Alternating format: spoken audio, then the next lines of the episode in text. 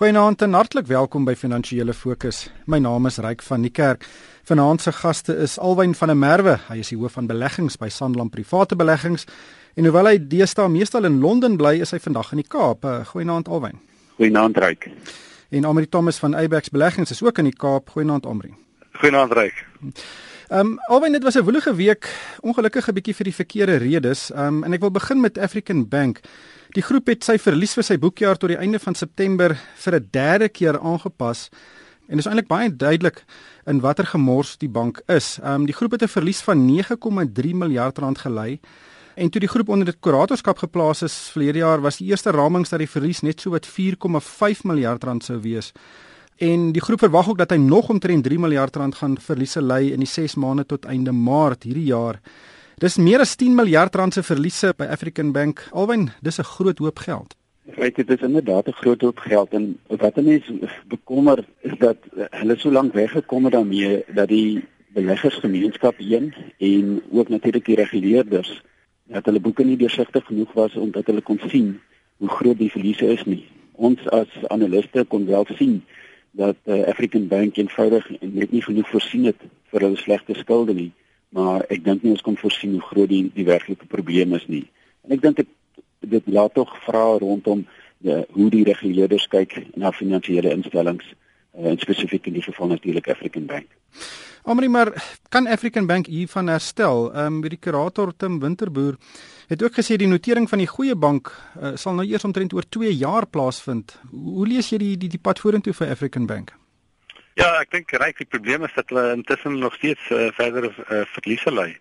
So ek dink in daai sektors van die mark as ons nou kyk na mikrolenings, is daar definitief 'n mark wat miskien kan wees. Ons kyk net na Capitec en hoe goed hulle daar doen.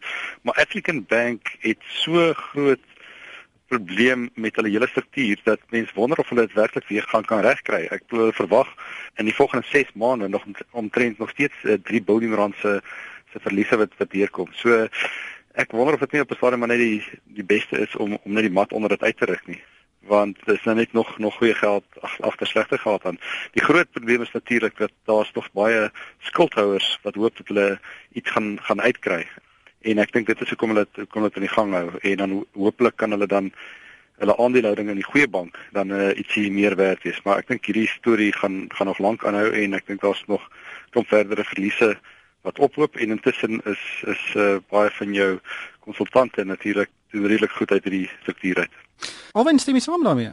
Ja, ek ek stem absoluut saam. Uh, saam met wat Omri gesê het, want as 'n mens uh, mooi kyk na die ding, dan lyk dit of die uitgawes wat hulle het rondom slegte skulde of dit vinniger groei as wat die leningsinkomste of die lenings wat hulle maak kan groei. So dit beteken maar net eenvoudig dat dat hulle 'n probleem het. Jy moet onthou ryk dat 'n bank se sukses lê in groot mate of haar vertroue is of nie. So waar gaan hulle befondsing kry? Hulle in befondsing gaan moet hulle waarskynlik kry deur mense wat bereid is om deposito's te plaas by die bank.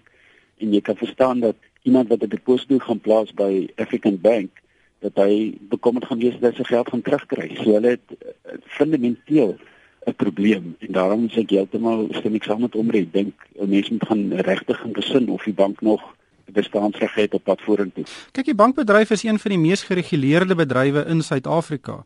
En weet as mens net skief kyk dan is daar nog 'n regulasie wat op die tafel geplaas word. Hoe kan so iets gebeur nog vandag omre? Uh, weet want die impak op die hele stelsel is baie baie groter as net die een bank wat vou. Ja, ek ek dink die uh, reguleerder is is, is vir lank bekommerd geweest oor uh, African Bank. En by elke resultaat uh, het mens gesien dat die en dit agterna het ons besef dis seker die reguleerder wat dit gedryf het het hulle hulle voorsienings baie op opgeskuif. Maar ek, ek dink die probleem was hulle was van die begin af ondervoorsien geweest. En as jy eers struktureel ondervoorsien is en dan bly dit 'n probleem op jou groei want om dan verdienste groei te kry wat hulle gedoen het, hulle het al meer lenings geskryf en hulle het al die krediete wat hulle geskryf het, het alles slegter geraak en hulle dieselfde voorsienings bly by by hand af. So jy sien eintlik eers as daai probleme deurkom wanneer hulle ophou nuwe lenings skryf. En dit was die probleem by daai tyd was die leningsboek boek geweldig groot en ewe skielik is daar nie meer befondsing nie. Beleggers het het weggehardloop van befondsing af en en as soos altyd sê is daar as 'n bank as, as beleggers vertrou in 'n bank verloor, dan kan mens maar die deure toemaak want hulle sit met 'n skuld tot kapitaalverhouding van 'n baie groter as as een. gewone bank hier by by 8 na 10 keer. In Able se geval al was dit net omtrent 4 of 5 keer die onderliggende batewaarde was ook baie minder werd. So so die skuldverhouding was ook hier naby aan 10 keer. En toe toe beleggers wegstap van om die skuld oor te rol het dit natuurlik gevolg dat uh, Able te onder gegaan het. Maar kom ons gesels 'n bietjie oor Petro SA. Um, met African Bank se verlies was 9,3 miljard rand, maar dit was nie die grootste syfer wat ons hierdie week gehoor het nie. Daar was nuus uh, van Petro SA se kant af dat hulle verlies vir hulle afgelope boekjaar tot 14,9 miljard rand kan beloop. Uh, en dit sluit 'n bedryfsverlies in van meer as 2 miljard rand en afskrywings uh van 12 miljard rand wat verband hou met eksplorasie aan die suidkus. Nou 14,9 miljard rand is regtig 'n groot hoop geld. Weet die konstruksiekoste van Gauteng se etolpaaie was maar omtrent 18 miljard rand. So hier is regtig 'n staatsinstelling wat onder geweldige druk is uh en uh dit is ook 'n staatsbeheerde maatskappy wat meeding om die titel van swaks bestuurde staatsmaatskappy. Ja, uh, ryk, dis eintlik baie uh, skokkend. Uh, weer eens net 'n geval van 'n uh, staatsbeheerde instansie wat uh, belastingbetalers geweldig baie geld kos. Nou die die erg ding is, as jy 5 jaar terugkyk, het hulle met 11 miljard rand se kontant op hulle uh, balansstaat gesit. En in 'n kwessie van 5 jaar het hulle dit alles gespandeer en sit nou met 'n geweldige skuldposisie wat die belastingbetaler weer gaan moet opdoek. So die probleem het ingekom dat hulle hulle uit gas het gehard het in hulle eerste blok en hulle toe getoets in die blok langsaan en wel gas gevind maar teen 'n baie laer vloeikoers. En ten spyte van dit het hulle nog steeds voortgegaan met die kapitaalspandering. Ek dink dit was omtrent 15 miljard rand in totaal wat hulle gespandeer het. En die opbrengs op blok 2 is, is slegs uh, 10%, uh, so wat 'n geweldige lae uh, vloeikoers is en dit is kom hulle nou daai bate met omtrent 12 miljard rand moet afskryf. Natuurlik het hulle ook 'n uh, belegging gemaak naby Ekwatoriale Guinea uh van 2 miljard rand wat hulle lyk my ook omtrent half gaan gaan verloor. Nou heidaglik blameer die minister dit ehm um, alles op die uitvoerende bestuur, maar op die einde is die is die raad van direkteure wat die maatskappy bestuur so en uiteindelik is dit die staat. So ek dink die die staat gaan moet moet 'n groot deel van die blame vat dat hulle nie al vroeër hierdie probleem aangespreek het nie. Alwyn, ehm um, ons het hierdie week baie swak sake vertroue syfers gesien in Suid-Afrika. Dis nie eintlik onverwags nie. En daar's vir baie baie negativiteit onder nou kleinhandelaars ook wat nou bykomend tot die vervaardigingssektor is um, wat eintlik ook maar voor die hand liggend is, maar is, jy jy spandeer baie tyd in Brittanje. Hoe sien jy Suid-Afrika of hoe sien die Britte Suid-Afrika en en wat dink hulle van ons ekonomie? Ja, reg, ek gaan net vinnig kan terugkom na die sake vertroue syfer. Eh, mense moet onthou dat uh, sake gemeenskap se vertroue word tot 'n groot mate bepaal daardeur of hulle dink of die gemeenskap dink dat hulle in die toekoms goeie opbrengste op hulle beleggings gaan maak.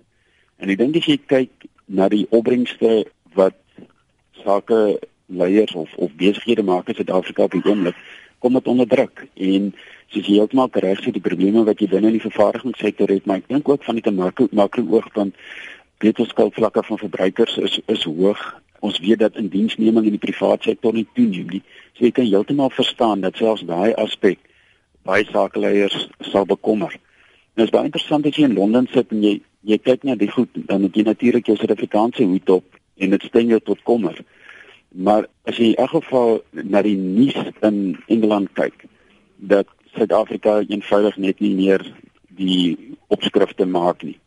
Ek werk vir 2 weke 'n maand in Londen en dan is dit baie interessant om te sien die alwanneer Suid-Afrika die nuus haal is wanneer die hele die hele groot FIFA debakel die hoofopskrifte opgeneem het en ek dink selfs daar het ons binne in die verslag wat die FBI geskryf het eers op bladsy 84 die opskrifte uh, gemaak. Maar nou moet ek in dieselfde asem sê dat uh, een van die groot beleggingsbanke het 'n week 'n konferensie in Londen en ek het sommer net tyd gehad om met van die sakeleiers te praat wat wel daar gaan wees. En by die konferensie is daar nog groot belangstelling in Suid-Afrikaanse maatskappye want ek dink vanuit die internasionale oogpunt word Suid-Afrikaanse maatskappye nog steeds beskou as maatskappye wat baie goed bestuur word. Maar dit is interessant as jy met die sakeleiers praat en jy vra wat vra die beleggersgemeenskap aan hulle, dan is dit amper minder mikrovrae met ander woorde wat gaan aan binne in die maatskappy, maar meer bekommernis oor wat gaan aan in die land. So ek dink al die opskrifte, die opskrif wat ons wel kry is negatief en dit stem buitelandse beleggers vanuit 'n makro-oogpunt tot kommer en uiteindelik kan dit ook 'n impak hê op hulle beleggings wat hulle maak in individuele maatskappye wat op die Johannesburg effektebeurs genoteer is. So as uh, Britse beleggers wil belê in 'n ontleikende land, is Suid-Afrika verseker nie bo aan die lys nie. Nee, maar ek ek weet nie of dit 'n veilige stelling is om te maak nie, want dan moet ek daarmee nie dieselfde asem sê as jy kyk na ontleikende markte. Een ding wat jy weet van Suid-Afrikaanse maatskappye is, is daar dan nog steeds baie goed gekyk word en dat hulle korporatief goed bestuur word. So jy, as jou keuse is Rusland of 'n Chinese maatskappy of Suid-Afrika, dan wil ek amper sê as jou kans is beter dat jy 'n maatskappy wat goed gereguleer en goed bestuur word in Suid-Afrika gaan kry eerder as Rusland se ou naam net, omdat dan net die die regte perspektief sien. Maar ek dink waar ons 10 en 15 jaar gelede regtig waar uh, baie geweld was onder beleggers veral natuurlik omdat ons ook uh, hulpbronland was in daai tyd het hulpbronmaatskappye baie goed gedoen is daai gewildheid beslis besig om te taan en die belangrike ding is is dat makro bekommernisse mense se beleggingsbesluite gaan begin beïnvloed wat ons gehoop het nie sou gebeur nie maar dit beslis beslis nou 'n impak op die besluitnemingsproses oor see. Ryk net net as ek al by Alvin kan aansluit is as mens kyk wat Suid-Afrikaanse maatskappye doen met hulle kapitaalallokasie is meer, baie van jou groot maatskappye het uh, hulle vrye kapitaal begin aanwend om uh, oorseese bedrywighede uh, te verkry. En ek dink dit is dit is ook uh, tekenend dat Suid-Afrikaanse sakelei bekommerd raak oor die beleggingsomgewing in Suid-Afrika en hulle inkomste uh, wil diversifiseer en en uh, oorseese inkomste uh, verdien. So dit is dit is jammer vir Suid-Afrika want dit, dit vat kapitaal weg van Suid-Afrika wat ons potensiële groei verminder, maar mens kan hulle nie kwaadlik neem nie. As, as ek nog 'n uh, uh, ryk miskien nie daarby omreken aansluit, jy weet, dit is my baie interessant oor baie keer neem die die Suid-Afrikaanse korporatiewe struktuur neem amper die bateallokasie besluit uit ons hande uit. Wanneer ons besluit om 'n maatskappy in Suid-Afrika te koop, baie van hulle bedrywe word nou in die buiteland geskuif en ek dink as mense aanvanklik gaan kyk het baie van ons maatskappye het ons skoolgeld betaal want baie van die oorseese besighede wat hulle bedryf het, het dan nie altyd so suksesvol bedryf nie. Maar ek dink om resou my saamstem as mense kyk na die onlangse verlede, is baie van ons maatskappye doen uitstekend met hulle bedrywighede wat hulle oorsee het. As jy maar Issa Brouwerye vat, jy vat Woolies, Woolies het nou 43% van hulle verdienste word nou in die buiteland verdien natuurlik nasionale persbelegging binne eh, van Tencent is natuurlik 'n geweldige suksesstorie. So Steinhoff en uh, Sasol ook. Ja. Steinhoff, Steinhoff in Europa is nou die tweede grootste meubelverkoper in Europa. Jy weet, en so kan 'n ouma aangaan. So ek dink die Suid-Afrikaanse maatskappye kan met reg sê dat hulle hulle oorseese bedrywighede met sukses bestuur. Die die tyd is besig om ons in te haal, maar maar um, alwyn um, ek wil net vinnig oor Griekeland gesels. Uh, dit is 'n uh, storie wat hierdie week uh, reg oor die wêreld groot opskrifte maak uh, en dit is dat Griekeland lyk asof hy aan die einde van die maand nie sy skuld sal kan betaal nie en dat hy net nader aan 'n uh, wel 'n skynbare afgrond staan wat hom gaan skop uit die uh, Europese Unie uit. Wat is jou siening daaroor? Ja, ek ek jy weet dis maar as jy met met politici te doen het, uh, moet mense onthou dis 'n onderhandelingsproses en 'n onderhandelingsproses vlieg die bane oor die net soos 'n tenniswedstryd. So eendag lyk dit of jy tot 'n vergelyking kom en die volgende dag lyk dit of jy nie tot 'n vergelyking kom nie.